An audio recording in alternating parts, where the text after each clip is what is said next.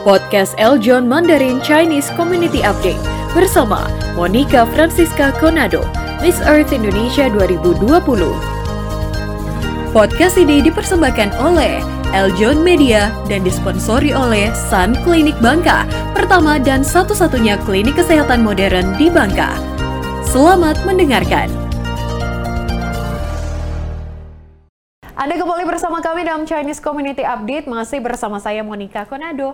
Kali ini kita masuk pada segmen tokoh Tionghoa.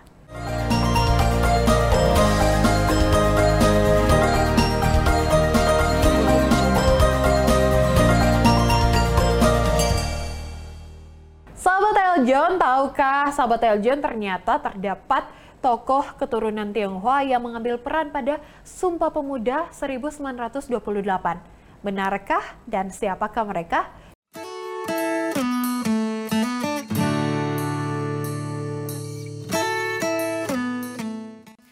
Jadi memang tidak terbantahkan kaum Tionghoa itu punya peranan dalam Kongres Pemuda II yang kemudian melahirkan Sumpah Pemuda.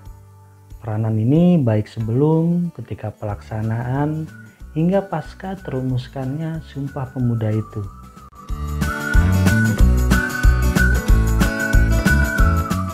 Dua hari pelaksanaannya. Hari pertama pada tanggal 27 Oktober 1928 itu dilaksanakan di Gedung Katolik Yonglingen Bonn atau Gedung Pemuda Katolik. Gedung ini masih ada sampai sekarang e, difungsikan saat ini sebagai e, kantor dari Yayasan Pendidikan Santa Ursula eh, kedua di Sumpah Pemuda Kongres Pemuda kedua itu dilaksanakan di gedung Osjava Bioskop. Jadi pada masa itu memang bioskop lumrah dipakai sebagai gedung pertemuan. Sayangnya gedung ini sekarang sudah nggak ada lagi. Dulu letaknya di Jalan Merdeka Utara, jadi nggak jauh dari Mahkamah Agung dan Istana Negara.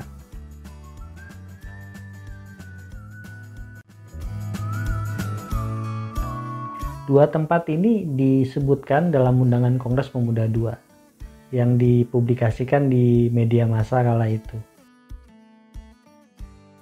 Nah, pembacaan Sumpah Pemuda itu dilakukan di gedung Indonesius Kramat yang hari ini kita kenal dengan nama Museum Sumpah Pemuda. Gedung ini dimiliki oleh seorang Tionghoa, namanya Si Kong Leong yang menyewakan rumah itu kepada para pemuda terpelajar, utamanya Stovia dan RH de Batavia. Stovia ini kemudian menjadi cikal bakal Fakultas Kedokteran UI dan RH de Batavia jadi cikal bakal Fakultas Hukum Universitas Indonesia. Yang pernah warawiri di gedung ini eh, pernah tinggal di gedung ini ya. Salah satunya itu ada Amir Sarifudin, Muhammad Yamin, Asaat, dan tokoh-tokoh pemuda lainnya lah. Nah belakangan asrama ini kemudian menjadi salah satu markas kaum muda pada awal 1920-an lah sampai dengan awal 1930-an. Di gedung inilah kemudian Sumpah Pemuda itu dibacakan. Kedua, kaum Tionghoa juga hadir sebagai peserta peninjau dalam Kongres Pemuda II itu eh, jumlahnya empat orang. Namanya Kue Tiam Hong anggota Yong Sumatera Bon kelahiran Palembang. Dia ini pelajar mulu. Jadi usianya waktu itu masih belasan lah sekitar 18 tahun lah. Dia datang mengajak teman-temannya. Ada Oe Kang Siang eh, John Liao Chok Hok dan Chiao Jin Kui kalau namanya salah tolong dimaklumi ya. Tidak saya ini memang agak susah kalau menjenguk Tionghoa. Nah intinya mereka berempat ini aktif sebagai anggota kepanduan. Nah si Kue Tiam Huang ini hadir e, dalam Kongres Pemuda II itu bukan dengan kepala tanpa isi. Tapi dia punya keterlibatan dalam dunia nasionalisme itu dipicu dan ketika dia itu mendengar pidatonya Bung Karno dari Sabang sampai Merauke bukanlah sekadar menggambarkan satu geografis begrip dari Sabang sampai Merauke bukanlah sekadar satu geographical entity. Ia adalah merupakan satu kesatuan kebangsaan. Ia adalah satu national entity. Dan uh, host, host Cokraminoto, uh, Serikat Islam. Agar semua rakyat Nusantara tidak lagi dipandang sebagai seperempat manusia. Sudah pemerintah pada aku. Mereka ingin kita terpecah-pecah dan terbuang. Menariknya lagi, kehadiran empat orang pemuda Tionghoa tadi itu ternyata tidak dipersoalkan dalam Kongres Pemuda tadi. Gitu. Jadi mereka termasuk empat orang yang eh, mengikuti Kongres Pemuda 2 yang total anggotanya, total pesertanya kala itu kalau saya nggak salah ingat sekitar 700 orang lah dari seluruh Nusantara. Terus pertanyaannya adalah lo kok cuma memfasilitasi pembacaan naskah Sumpah Pemuda lantas disebut berkontribusi? Bukannya rumah si Kong Leong tadi memang disewain. Terus lo kok cuma datang ke Kongres Pemuda disebut berkontribusi gitu? Jadi peserta peninjau pula mereka ini. Ini gimana lah ceritanya gitu loh kan nah eh, tuan dan puan yang terhormat peranan si Kong Leong dan Kue Tiang Huang CS ini sebenarnya nggak boleh dipisahkan dari konteks zamannya gitu loh. Jadi jangan dikaitkan dengan segampang hari ini gitu loh. Kita mesti paham suasana kebatinan kala itu. Jadi eh, pemerintah kolonial Belanda, gubernur itu sebenarnya memang nggak ingin Kongres Pemuda itu digelar. Tapi mereka juga punya aturan sebagai oh, bangsa yang menyebut dirinya sebagai bangsa yang beradab ya. Jadi mereka memang nggak bisa melarang sebuah pertemuan selama tidak ada pelanggaran hukum di sana gitu loh. Selama nggak ada kejahatan di sana gitu loh. Nah Belanda ini kemudian patuh dengan aturan mereka tersebut. Nah, tapi walaupun patuh mereka tadi kan saya bilang nggak pengen dilaksanakan eh, Kongres Pemuda dua tadi kan makanya selama kongres itu dikawal ketat oleh para polisi gitu loh polisi rahasia itu seliweran mencatat mendengar eh, mengawasi jalannya persidangan gitu kan termasuk pidato-pidato yang diucapkan gitu loh. Lalu kata merdeka juga dilarang. Makanya syair Indonesia Merdeka dalam lagunya Indonesia Raya karangannya Weru Supratman itu kemudian digantikan jadi Indonesia Mulia gitu loh kan. Jadi pendek katanya dengan mendukung kaum muda itu artinya si si Kong Leong ini sebenarnya mengambil posisi yang berlawanan dengan pemerintah kolonial Belanda gitu. Demikian pula kayak si Kue Tiam Hong CS tadi dengan mengikuti Kongres Pemuda, artinya mereka masuk dalam daftar list polisi rahasia Belanda, orang-orang yang patut diawasi. Makanya pada masa itu butuh keberanian besar untuk berbeda pendapat dengan Belanda, karena ujung-ujungnya biasanya akan ada apa-apa gitu loh. Biar kita nggak bingung ya kita coba lah kita sandingin aja lah Kongres Pemuda ini dengan taruh kata lah unjuk rasa omnibus law tempo hari. Ya tahu kan lah sebelum unra sebelum unjuk rasa itu biasanya kan kita ngerti intel-intel pasti keliaran buat cari informasi. Rumah-rumah pergerakan pasti diawasi. Nah kalau sampai dinilai melanggar hukum pasti bakal diciduk gitu loh. Nah anggaplah si si Kong Leong ini yang kemudian memfasilitasi rapat khusus dari para dedengkot penolak omnibus law itu gitu loh. Apa nggak bakal terketir hatinya tuh? Nah begitu juga kayak si kue Tiam Hong CS tadi kan? Ya taruh kata lah mereka ini kan masih belasan ya 18 tahun umurnya. Jadi kira-kira kayak ya anak STM lah gitu atau anak kuliah tahun satu lah gitu kan? E, nah mereka ini ikut unjuk rasa gitu loh kalau ketahuan bisa aja gitu. Bisa aja nih ya guru-gurunya yang ketakutan gitu kan. E, kemudian neken mereka gitu loh kan. Atau kalau sampai rusuh mereka ditangkap wah kemarin katanya sih diancam gak bakal dapat SKCK itu. Susah jadi kerja katanya anak STM itu. Nah risiko yang ditanggung oleh si si Kong Leong dan Kue Tiam Hong CS tadi itu sebenarnya berkali-kali lipat dari yang saya sampaikan tadi. Maklum hidup pada zaman penjajahan Belanda kan? Tapi yang juga gak kalah penting keikut sertaan kue tim Hoang dan itu terjadi waktu Nusantara Hindia Belanda itu masih punya tiga strata gitu loh. Jadi kan pemerintah kolonial Belanda itu kan waktu itu masih ngebagi tiga strata masyarakat di Nusantara. Jadi kelas paling atas itu ada warga kulit putih, Eropa, Amerika, Jepang, dan lain-lain.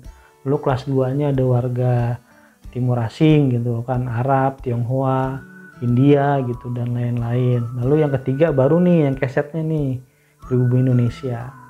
Nah, jadi dengan si Kue Tiam Hong itu ikut dalam Kongres Pemuda dan kemudian mereka dia juga mengakui bahwasanya berbangsa Indonesia, bertanah air satu tanah Indonesia dan berbahasa Indonesia sebagai bahasa persatuan dengan mengakui identitas tunggal nasionalisme tadi kasarnya ini si kue tiam huang tadi CS tadi ya itu bisa dibilang turun kasta dengan sukarela gitu loh. Dalam konteks negara Hindia Belanda gitu loh. Kalau bahasanya marxisme itu bunuh diri kelas terus yang ketiga di luar Kongres Pemuda II tadi surat kabar berbahasa Melayu Tionghoa namanya Sinpo itu adalah surat kabar atau media yang pertama kali memuat lagu Indonesia Raya karya Wage Rudolf Supratman. Baik sahabat Eljon TV itu dia kita baru saja menyaksikan toko Tionghoa dalam Sumpah Pemuda. Memang kita keturunan Tionghoa namun kita juga adalah warga negara Indonesia. Informasi tadi juga mengakhiri segmen Toko Tionghoa kali ini dalam Chinese Community Update. Tetaplah bersama kami. Bagi Anda yang tinggal di Pangkal Pinang, Bangka, Anda mempunyai pusat kesehatan terpadu, terbesar, dan terlengkap yang melayani secara holistik, yaitu Sun Clinic. Sun Clinic melayani pasien BPJS, rujuk balik, pasien umum, asuransi, dan perusahaan-perusahaan swasta. Sun Clinic telah menjadi pelopor pelayanan BPJS kesehatan dan telah menerima banyak penghargaan Service of Excellence. Sun Clinic adalah klinik yang tersertifikasi sistem manajemen Mutu ISO 9001 versi 2015 dari Badan Sertifikasi TNV Certification. Sun Clinic melayani konsultasi dokter umum, rujukan dokter spesialis, terapi wicara, audiometri, fisioterapi, tindakan bedah minor, dan sirkumsisi. Dilengkapi dengan laboratorium yang menggunakan sistem LIS untuk mengurangi human error, melayani pemeriksaan hematologi, kimia darah, alergi, pap smear, medical check-up, dan home service. Didukung oleh Apotek Xavier yang menyediakan obat-obatan dan alat-alat kesehatan yang lengkap, asli, dan berkualitas dengan harga yang terjangkau. Di saat pandemi ini, Sun Clinic melayani antigen swab untuk keperluan pribadi atau perjalanan baik darat maupun udara. Untuk informasi lebih lanjut, silahkan telepon ke plus 62 717 42 97 888 atau WhatsApp ke plus 62 822 60 375 888.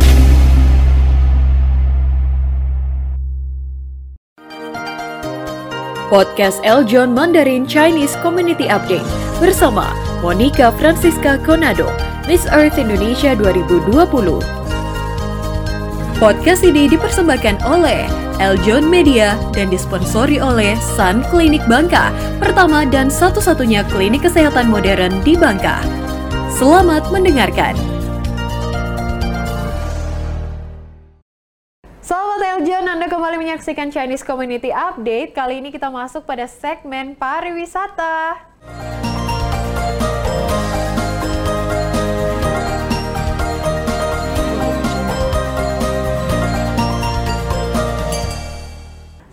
Eljon, kali ini kami akan mengajak Anda untuk mengikuti 5 wisata unik dan menarik budaya Tionghoa di Jawa Timur.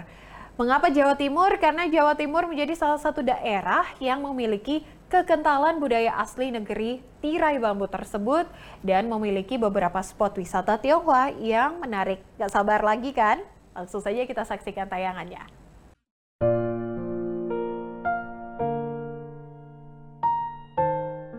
Lima wisata unik dan menarik budaya Tionghoa di Jawa Timur. Budaya Tionghoa sudah menjadi salah satu budaya di Indonesia sejak kedatangan para pedagang Tionghoa di Indonesia pada abad ke-15 bersama dengan pedagang dari Arab dan Gujarat. para pedagang tersebut kemudian menetap dan berbaur dengan masyarakat lokal dan terasimilasi menjadi budaya Tionghoa Indonesia. Jawa Timur yang menjadi salah satu daerah yang memiliki kekentalan budaya asli negeri tirai bambu. Budaya asli negeri tirai bambu tersebut dan memiliki beberapa spot wisata Tionghoa yang menarik. Bagi kamu yang tertarik untuk mengunjungi wisata bernuansa Tionghoa, simak video berikut ini. Tapi sebelum melanjutkan video ini, support channel kami dengan cara subscribe, like, komen, dan share. Mohon dukungannya ya. Thank you.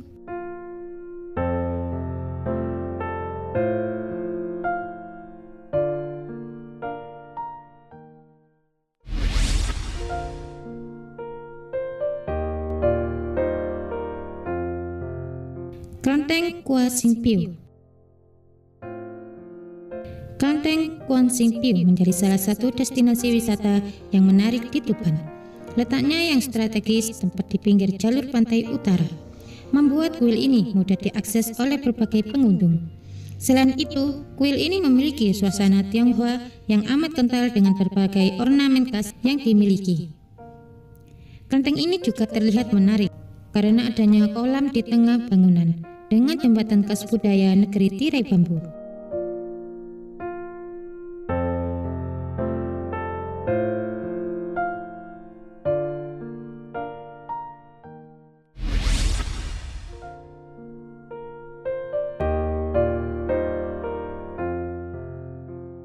Sanggar Agung Kelenteng Sanggar Agung adalah salah satu destinasi wisata favorit di Surabaya yang tempat berada di pinggir laut dan dekat dengan objek wisata Pantai Ria Kenjeran.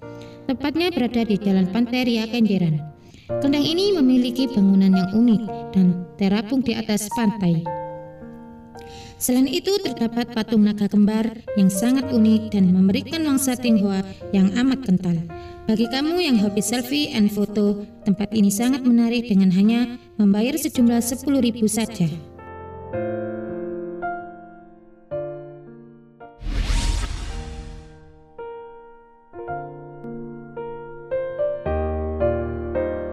Wihara Podikiri Wihara Podikiri merupakan objek wisata nuansa Tionghoa lainnya yang bertempat di Kecamatan Lingi, Kabupaten Blitar dan terletak sekitar 31 km dari kota Blitar.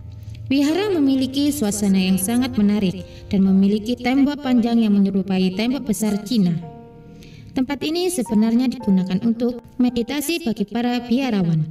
Bagi kamu yang suka foto dan selfie, tempat ini sangat cocok untuk karena kamu akan menemukan banyak spot foto yang kece dengan suasana Tionghoa yang khas beserta dengan ornamennya.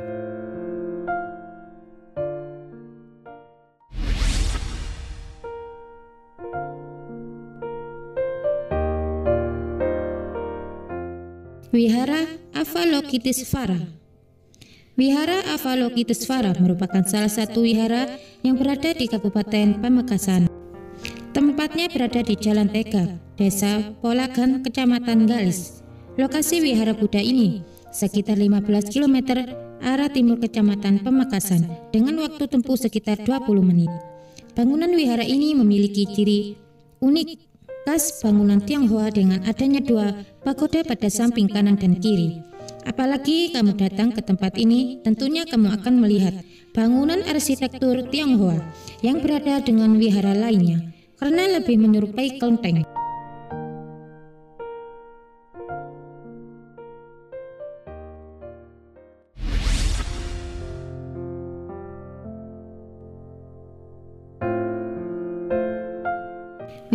Majapahit Wihara Majapahit adalah wihara yang terletak di Kecamatan Trawulan, Kabupaten Mojokerto, dan berada tidak jauh dari Jalan Negara Mojoagung. Salah satu yang menarik dari tempat ini adalah adanya patung besar Buddha tidur yang menjadi tempat berfoto menarik di wihara ini. Harga tiket masuknya hanya murah, yakni hanya 3000 dan dibuka sejak pukul 7 hingga 18.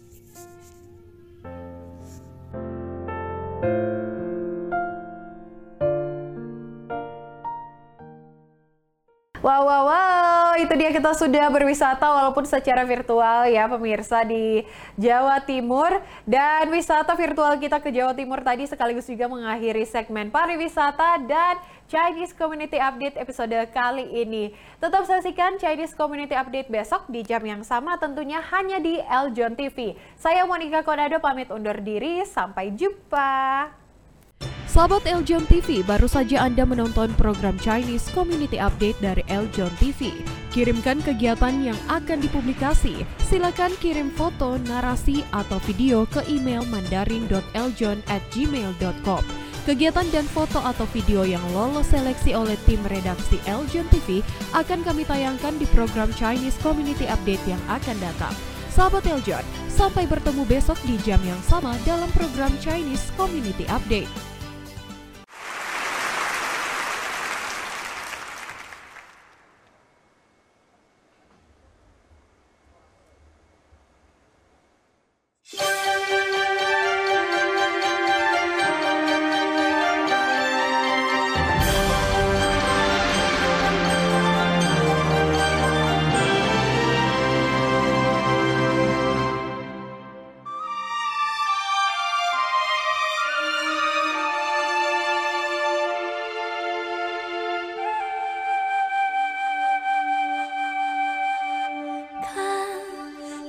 江东去浪花淘尽千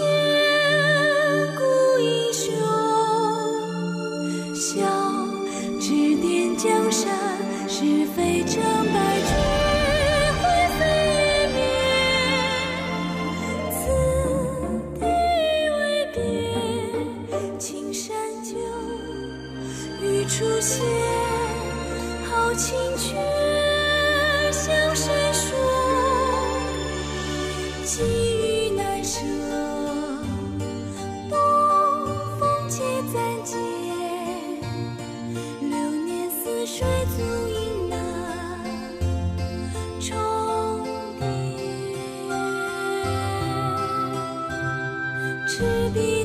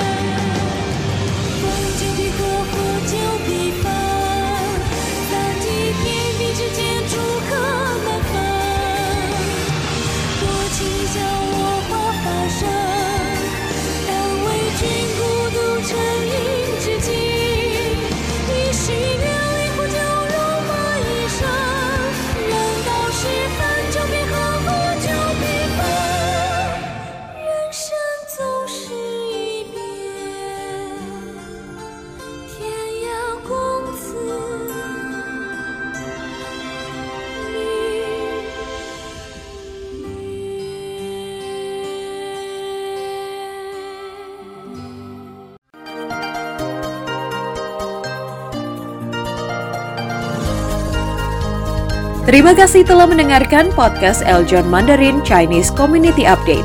Persembahan dari Eljon Media dan disponsori oleh Sun Clinic Bangka, pertama dan satu-satunya klinik kesehatan modern di Bangka. Jangan lupa follow podcast Eljon Mandarin di Spotify.